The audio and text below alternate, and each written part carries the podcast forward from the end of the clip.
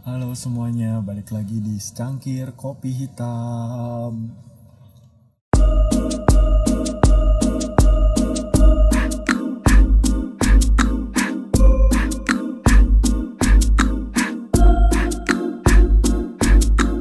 Apa kabar semuanya? Semoga yang mendengarkan podcast ini dalam keadaan yang baik, dalam keadaan yang sehat, tidak bad mood. yang bad mood mungkin. Ya semoga bad moodnya bisa terobati. Dan ya semoga hal-hal baik menyertai kalian semua. Amin. Em, kebetulan ini aku recordnya lagi di teras lantai dua rumahku. Dan ini suasananya sedang rintik-rintik gerimis.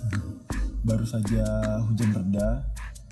Jadi ya kalau agak ada noise noise hujan gitu ya dinikmati saja ya. Emang akhir-akhir ini lagi suka uh, melakukan rekaman di luar ruangan. Karena ya biar feelnya dapat aja gitu. Soalnya kalau di uh, lantai dua rumah itu suasananya juga sepi um, gelap-gelap gimana gitu.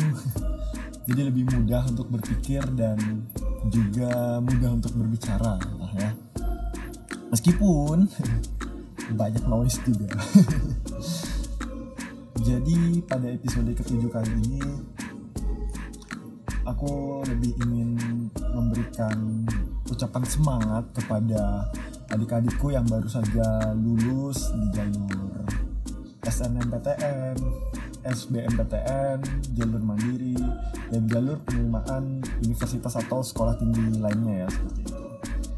Um, intinya aku bangga dengan teman-teman semua yang sudah berhasil diterima di kampus impian kalian semua gitu.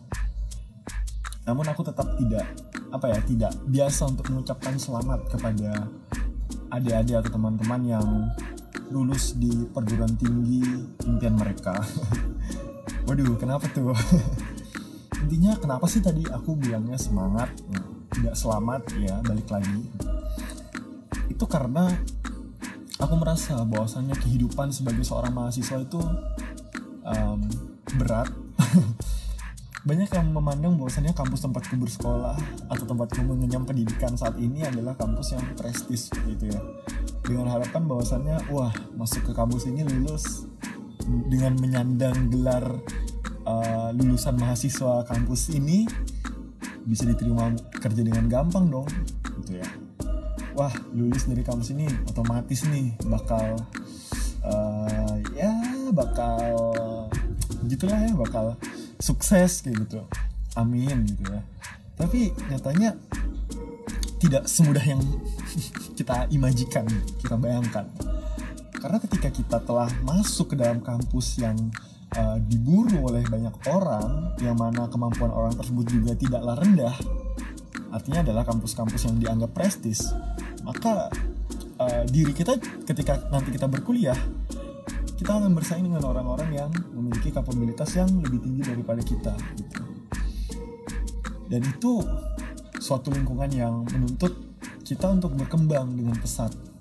Karena kalau misalnya kita tidak berkembang dengan baik, kita tidak akan mampu untuk bersaing bah jangankan dengan mahasiswa kampus lain yang mungkin lebih prestis daripada kampus kita dengan mahasiswa yang ada di kampus kita sendiri aja ketika kita lulus belum tentu kita mampu bersaing dengan mereka seperti itu apabila kita tidak belajar dengan bersungguh-sungguh. Mari aku jelaskan kayak gini. Uh, kuliah itu kalau di jurusan aku ya di jurusan hubungan internasional kita itu satu minggu itu setidaknya ada uh, 8 mata kuliah itu kalau yang SKS-nya normal gitu. nggak tahu kalau misalnya uh, nilainya rendah kemudian tidak bisa mengambil SKS dengan maksimal bisa jadi mata kuliah yang dia tempuh itu lebih sedikit setiap uh, satu semesternya gitu. Ini dalam satu minggu dalam satu semester kita itu akan mendapatkan porsi jatah uh, 8 mata kuliah yang mana masing-masing pertemuan mata kuliah itu bisa sampai 2 jam. Artinya kalau seandainya kita dalam satu hari mengambil dua mata kuliah, maka jam belajar kita dari Senin, Selasa, Rabu, dan Kamis saja itu hanya 4 jam per hari. Belajar formal di kelas. Tidak seperti SMA yang masuk jam uh, pukul 7 pagi pulangnya pukul uh, 15.00 gitu ya versi full day school gitu kan. Kuliah tuh nggak seperti itu. Bahkan di kampus aku kita bebas memilih. Kita mau masuknya pagi mau masuknya uh, siang mau masuknya sore mau masuknya malam. Intinya kita memiliki kontrol dan juga keleluasaan terhadap uh, belajarnya kita seperti itu. Nah yang jadi permasalahan adalah kalau seandainya dulu waktu SMA kita dimanja sama guru kita nggak ngerjain tugas ayo diuprak-uprak ya kalau bahasa Jawa itunya uh, di dikejar-kejar terus sama guru gitu kan. Kayak mana PR-mu nggak ngerjain PR dimarahin. Kemudian seandainya kita tidak mengumpulkan tugas juga nanti nilai kita auto jelek gitu ya uh, tapi tetap diomelin sama guru. Kita berantem dibawa ke BK dan lain sebagainya. Dunia kampus nggak ada yang dimanja-manja seperti itu. Kita nggak ngumpulin tugas udah. Nggak ada yang namanya ditegur-tegur di haru-haru di ura-ura kayak kamu belum ngumpulin tugas gini gini kamu tugasmu udah ada ya gini gini gini. Tapi masih ada kayak tambahan waktu gitu ya kalau di dunia SMA kalau di kampusku itu nggak ada kayak gitu. Kita nggak ngumpulin tugas di saat keluar nilai. Kita hanya dibilang kamu tidak ngumpulin tugas ini ini konsekuensinya nilaimu seperti ini. Tidak ada yang namanya uh, perbaikan saat itu juga dan lain sebagainya. Mau tidak mau karena aku menggunakan sistem SKS ya harus mengulang di semester yang sama berikutnya. Maksudnya kalau kita mata kuliah semester ganjil maka kita harus ngulang semester ganjil. Which mean setahun lagi baru kita bisa ngulang matkul itu. Dan belum tentu juga nilainya lebih baik gitu. Bahkan bisa jadi lebih jelek atau mungkin sama aja gitu. Ini dari pengerjaan tugas dan cara kita diperlakukan itu sudah berbeda kita dituntut untuk dewasa kita dituntut bertanggung jawab terhadap uh, tugas atau tes yang sudah diberikan kepada kita dan pada akhirnya kita harus memanajemen uh, diri dan juga waktu yang uh, kita lalui setiap harinya. Bayangin aja uh, dengan banyaknya waktu kosong yang seperti itu kita dituntut untuk berkembang. Bagaimana kalau seandainya pada waktu SMA kita itu kan banyak waktu kosong kita mungkin bisa isi uh, dengan les, dengan ekskul dan lain sebagainya gitu ya. Istilahnya kayak orang tua dan bahkan mungkin guru masih kayak memaksa kita untuk ikut aktivitas seperti itu ya. Meskipun SMA itu capek tapi setidaknya kita punya banyak kegiatan. Sedangkan kalau kuliah seandainya kita hanya mengandalkan jam formal kuliah kita saja kita nggak punya kegiatan kita gabut. Dan ini berbahaya kenapa bagiku ini berbahaya? Karena ketika kita hanya kuliah saja di kelas dan kita tidak mencari kegiatan bermanfaat lain di luar di organisasi dan juga mungkin di uh, unit kegiatan mahasiswa kita nggak bakal berkembang.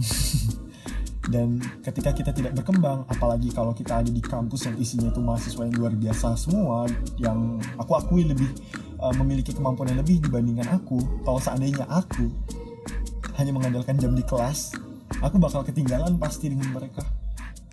Ya istilahnya saat mereka sibuk membangun diri mereka mereka sibuk mengembangkan diri mereka aku masih di situ aja gitu. Kalau seandainya tidak uh, ikut seperti itu. Kegiatan-kegiatan yang mungkin bisa mengasah kemampuan dan juga menemukan uh, membantuku menemukan passion gitu ya. Karena ini juga nih soal passion soal menemukan jati diri seorang mahasiswa tadi kan aku bilang semangat ya. Semangat itu artinya banyak. Kayak kalian akan mencumbukan diri dalam perjuangan yang tadi udah aku jelasin. Dan semangat yang kedua kalian harus menemukan uh, jati diri kalian. Karena ketika kita SMA mungkin banyak yang protes ya anjir itu ya bahasanya bisa atau sial gitu ya. Kok SMA nih pelajarannya baik banget sih? Ujung-ujungnya nggak dipakai juga kan waktu kuliah gitu. Atau ujung-ujungnya juga nggak uh, berguna kok. Nggak mungkin lah kalau di kehidupan sehari-hari kita ngitung uh, jajanan pakai logaritma misalnya gitu kan. Atau ngitung uh, apa di kasir pakai aljabar gitu nggak mungkin. Tapi serius ketika waktu SMA kita itu diajarin banyak hal. Kalau menurutku itu punya dampak positif meskipun itu melelahkan dan mungkin terkesan tidak berguna. Tapi kita pada akhirnya disajikan berbagai macam hidangan seperti itu. Anggap saja menu atau mata pelajaran kita waktu SMA itu hidangan. Dan pada akhirnya dari semua hidangan itu mana yang kita sukai? Ternyata nggak ada. Ya kalau aku sih menemukan uh, bidang yang aku sukai. Meskipun aku di konsentrasi IPA pada waktu SMA aku menemukan satu pelajaran yang hingga saat ini aku masih suka yaitu pelajaran sejarah. Aku benar-benar suka sejarah dengan alasan ya aku suka mempelajari masa lalu. Cie flashback flashback. Uh udah aku suka aja belajar sejarah karena uh, ternyata hidup kita yang singkat ya rata-rata orang hidup kan ya biasanya 60 tahun gitu ya. Dengan membaca sejarah itu kita bisa tahu kehidupan hingga ribuan tahun di belakang kita gitu yang mana itu uh, pengetahuan yang jauh lebih luas dibandingkan uh, usia hidup kita gitu. Oke okay, back to topic. Nah ketika kita waktu kuliah kita kan belajarnya sangat spesifik gitu ya. Sesuai dengan jurusan atau fakultas yang sudah kita pilih seperti itu. Ada beberapa kampus juga yang matrikulasi dulu ya, kita masuk ke fakultas baru kita uh, memilih prodi dan jurusan lain dan sebagainya intinya kayak gitu. Nah, ketika kita di dunia perkuliahan kita harus tahu jati diri kita ini sebenarnya apa jangan sampai ketika kita sudah masuk ke jurusan itu kita nggak mampu mengembangkan diri karena kita masih labil kayak anak SMA kita nggak bisa fokus semuanya mau kita coba. Pada akhirnya nggak ada yang kita kuasai karena waktu kita habis. Hanya untuk mencoba semua hal yang menurut kita menarik. Padahal itu tidak mengembangkan diri kita. Ketika aku waktu masih maba dulu aku ya jujur aja sempat mencoba berbagai macam hal. Aku masih berusaha untuk menemukan passionku di mana gitu ya. Apakah um, berorganisasi di badan eksekutif itu uh, adalah passionku atau uh, berorganisasi di sini adalah uh, passionku dan lain sebagainya. Dan aku menemukan passionku pada akhirnya di dunia debat dan juga penulisan ilmiah kayak gitu. Nah ketika aku sudah menemukan passionku aku akan fokus untuk membangun passionku tersebut. Kenapa? Kebanyakan mahasiswa baru itu uh, dan juga beberapa mahasiswa dan ini berimpact pada mahasiswa-mahasiswa di kemudian hari itu adalah ketika mereka mencoba semuanya pada akhirnya mereka tidak fokus dan akhirnya ketika mereka dihadapkan pada semester-semester sibuk untuk belajar atau sibuk untuk skripsi dan lain sebagainya mereka tidak punya um, tidak punya pegangan lah istilahnya seperti itu ya. Karena mereka tidak ahli di, mereka memang uh, mencoba semua bidang tapi mereka tidak ahli di bidang-bidang tersebut. Bayangkan dengan kita yang mungkin di semester-semester awal sudah menemukan passion kita, menemukan diri kita, menemukan fokus kita. Kita mengembangkan diri kita di situ terus maka kita mempunyai keahlian yang mungkin bisa memiliki daya saing yang bisa dipertimbangkan lah untuk masuk ke dalam bursa uh, kehidupan di masa yang akan datang seperti itu. Tapi seandainya kita uh, bahasa kasar Melayunya itu kemaruan, ingin mencoba segala hal dan pada akhirnya kita tidak menguasai, kita hanya bisa tapi tidak menguasai, ya gimana ya? Itu sih sebenarnya kalau di dunia mahasiswa itu seperti itu gitu. Dan ada sih sebenarnya banyak hal yang mungkin ingin aku sharing terkait kehidupan kampus gitu ya. Ini kehidupan kampus itu tidak se seindah ya kalau bahasa twitternya itu tidak seindah FTV FTV kayak gitu. Kehidupan kampus itu sebenarnya memang berat ya sebenarnya berat tapi bukan berarti tidak bisa dinikmati aku jujur saja menikmati masa-masaku di kuliah. Aku benar-benar suka dengan mata kuliah yang diajarkan. Aku punya kesempatan yang baik untuk uh, memanfaatkan waktu-waktu diskusi. Dan terkadang aku juga mungkin mengisi materi-materi tertentu ya di diskusi dan juga seminar gitu. Tapi uh, ya itu zona nyamanku. Kalian tidak mungkin sama sepertiku. Kalian punya uh, jati dirinya masing-masing. Kalian punya kemampuan atau skill kalian masing-masing intinya kita memang tidak sama tapi kita mempunyai kesempatan yang sama untuk berhasil gitu Jangan karena kalian mungkin diterima di kampus yang prestis, maka kalian bisa bersembunyi di balik nama baik kampus kalian. Karena jujur aja, banyak sekali mahasiswa yang bersembunyi di balik nama baik kampus. Aku mahasiswa kampus ini, kampus A, ini prestis loh, terkenal gitu kan. Kamu kampus apaan? Gak terkenal gitu kan, atau kampus buangan gitu. Jangan seperti itu karena jujur aja ketika kita sudah masuk ke dalam dunia perguruan tinggi setiap orang itu punya chance yang sama untuk berhasil. Hanya saja memang kita tidak bisa menyatakan bahwasanya kuliah di A dan kuliah di B itu sama. Jelas itu dua hal yang berbeda. Memang mungkin kuliah di kampus prestis yang punya sarana dan prasarana yang lebih kita punya um, modal tambahan untuk berhasil untuk sukses, sukses gitu. Tapi kalau misalnya kita hanya berleha-leha ya bisa jadi orang-orang yang dianggap berkuliah di kampus buangan mereka punya effort yang lebih mereka bekerja dengan sangat keras belajar dengan giat mereka yang akan lebih berhasil daripada kita yang sekedar berleha-leha. Di mana pun kalian belajar belajarlah dengan giat dan jangan meremehkan siapa pun. Kalian punya passion. Setiap orang punya passion. Mau di kampus mana pun kalian punya passion. Tujuan kalian adalah untuk mengembangkan passion itu. Jika kuliah tidak menjadikan kalian pintar maka setidaknya kalian tidak goblok gitu. Dan jika kuliah tidak menjadikan kalian pintar maka setidaknya kalian open minded terhadap orang-orang. Orang karena percuma saja kalau misalnya uh, kalian kuliah tapi masih goblok atau kalian kuliah tapi masih close minded gitu.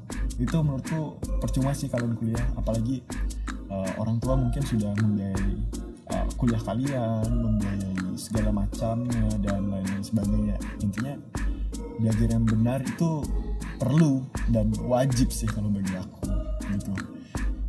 Um, mungkin itu dulu kali ya sesi sharing soal kehidupan perkuliahan di perguruan tinggi dan juga sekolah tinggi seperti itu. Uh, semangat buat kalian yang sebentar lagi menjadi mahasiswa baru. Cie semangat semangat. Ininya uh, eh, PKK maba itu jangan dijadikan beban kalian ya. Kalau di kampus aku sih perpeloncoan itu sudah tidak ada lagi sih di fakultas aku ya terutama kalau di fakultas lain aku jujur aja bukan berarti mau uh, membagus-baguskan atau menjelek-jelekan aku tidak tahu. Tapi di kampus aku yang aku rasakan adalah perpeloncoan itu tidak ada dan PKK mabanya itu benar-benar bermanfaat buat aku. Dan misal aja sih ketika dulu aku uh, tidak mengikuti beberapa rangkaian acara dikarenakan ada kegiatan yang mungkin uh, harus segera aku kerjakan ada substituen dan lain-lain sebagainya seperti itu. Um, semoga kalian tetap diberi kesehatan. Um, semoga uh, kalian selalu diberikan pemikiran-pemikiran yang positif aura-aura yang positif. Aura gila. Maksudnya ya uh, good mood lah ya istilahnya gitu.